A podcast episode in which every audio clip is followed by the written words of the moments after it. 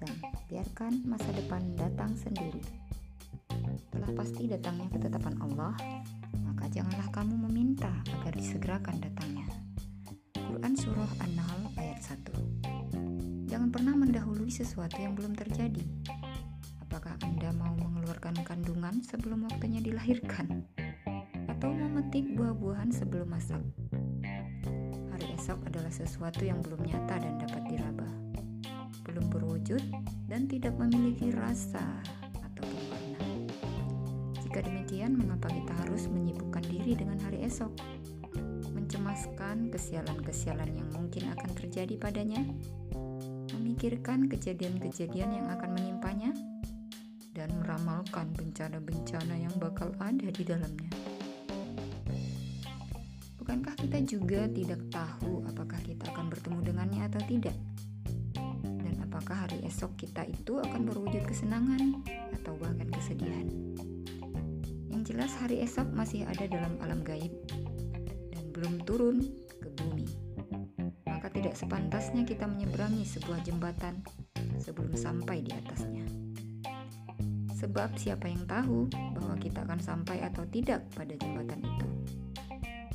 Bisa jadi kita akan terhenti jalan kita sebelum sampai ke jembatan itu. Atau mungkin pula jembatan itu hanyut terbawa arus terlebih dahulu sebelum kita sampai di atasnya. Dan bisa jadi pula kita akan sampai pada jembatan itu dan kemudian menyeberanginya.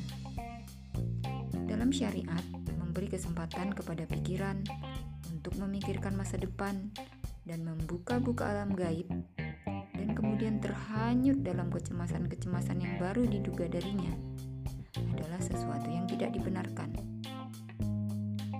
Pasalnya hal itu termasuk tulul amal atau angan-angan yang terlalu jauh. Secara nalar, tindakan itu pun tak masuk akal. Karena sama halnya dengan berusaha perang melawan bayang-bayang. Namun ironisnya, Kebanyakan manusia di dunia ini justru banyak yang termakan oleh ramalan-ramalan tentang kelaparan, kemiskinan, wabah penyakit, dan ekonomi yang kabarnya akan menimpa mereka. Padahal semua itu hanyalah bagian dari kurikulum yang diajarkan di sekolah-sekolah setan. Setan menjanjikan menakut-nakuti kamu dengan kemiskinan dan menyuruh kamu berbuat kejahatan atau gigir sedang Allah menjanjikan untukmu ampunan daripadanya dan karunia. Quran Surah Al-Baqarah ayat 268 Mereka yang menangis sedih menatap masa depan adalah yang menyangka diri mereka akan hidup kelaparan. Menderita sakit selama setahun dan memperkirakan umur dunia ini tinggal 100 tahun lagi, padahal orang yang sadar bahwa usia hidupnya berada di genggaman yang lain, tentu tidak akan menggadaikannya untuk sesuatu yang tidak ada. Dan orang yang tidak tahu kapan akan mati, tentu salah besar bila justru menyibukkan diri dengan sesuatu yang belum ada dan tak berwujud. Biarkan hari esok itu datang dengan sendirinya. Jangan pernah menanyakan kabar beritanya, dan jangan pula pernah menanti serangan petakannya. Sebab hari ini Anda sudah sangat sibuk. Jika Anda heran, maka lebih mengherankan lagi orang-orang yang berani menebus kesedihan suatu masa yang belum tentu matahari terbit di dalamnya dengan bersedih pada hari ini. Oleh karena itu, hindarilah angan-angan yang berlebihan. Oke, kita lanjut saja dengan cara mudah menghadapi kritikan pedas. Sang pencipta dan pemberi rezeki yang maha mulia. Acap kali mendapat cacian dan cercaan dari orang-orang pandir yang tak berakal maka apalagi saya, Anda, dan kita sebagai manusia yang selalu terpeleset dan salah. Dalam hidup ini, terutama jika Anda seseorang yang selalu memberi, memperbaiki, mempengaruhi, dan berusaha membangun, maka Anda akan selalu menjumpai kritikan-kritikan yang pedas dan pahit. Mungkin pula sesekali Anda akan mendapat cemoohan dan hinaan dari orang lain. Dan mereka tidak akan pernah diam mengkritik Anda sebelum Anda masuk ke dalam liang bumi, menaiki tangga ke langit dan berpisah dengan mereka. Adapun bila Anda masih berada di tengah-tengah mereka, maka akan selalu ada perbuatan mereka yang membuat Anda bersedih dan meneteskan air mata, atau membuat tempat tidur Anda selalu terasa gerah.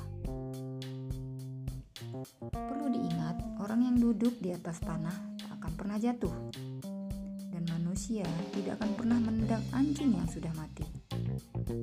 Adapun mereka yang marah dan kesal kepada Anda adalah karena mungkin Anda mengungguli mereka dalam hal kebaikan, keilmuan, tindak tanduk, atau harta.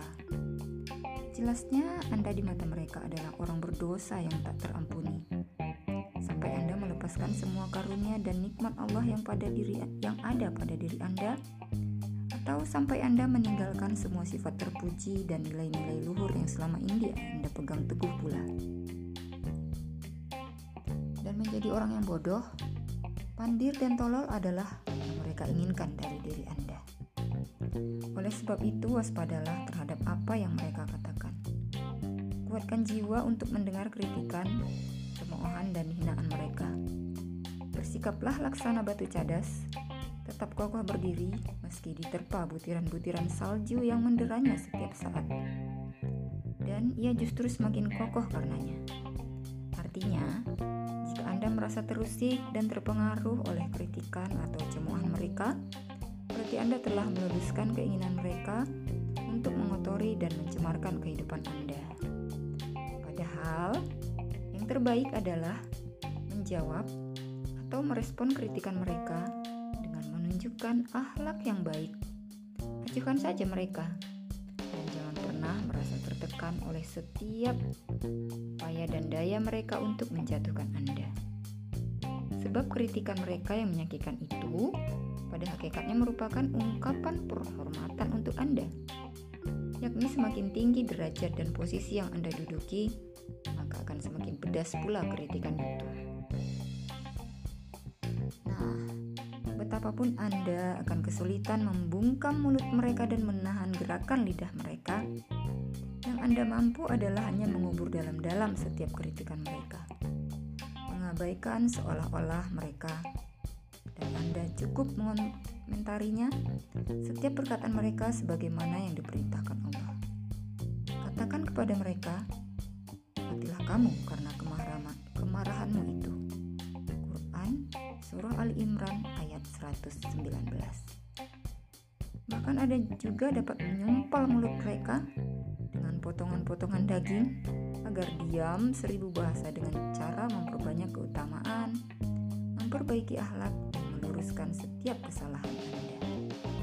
Dan bila Anda ingin diterima oleh semua pihak, dicintai semua orang, dan terhindar dari celah, berarti Anda telah menginginkan sesuatu yang mustahil terjadi dan mengangankan sesuatu yang terlalu jauh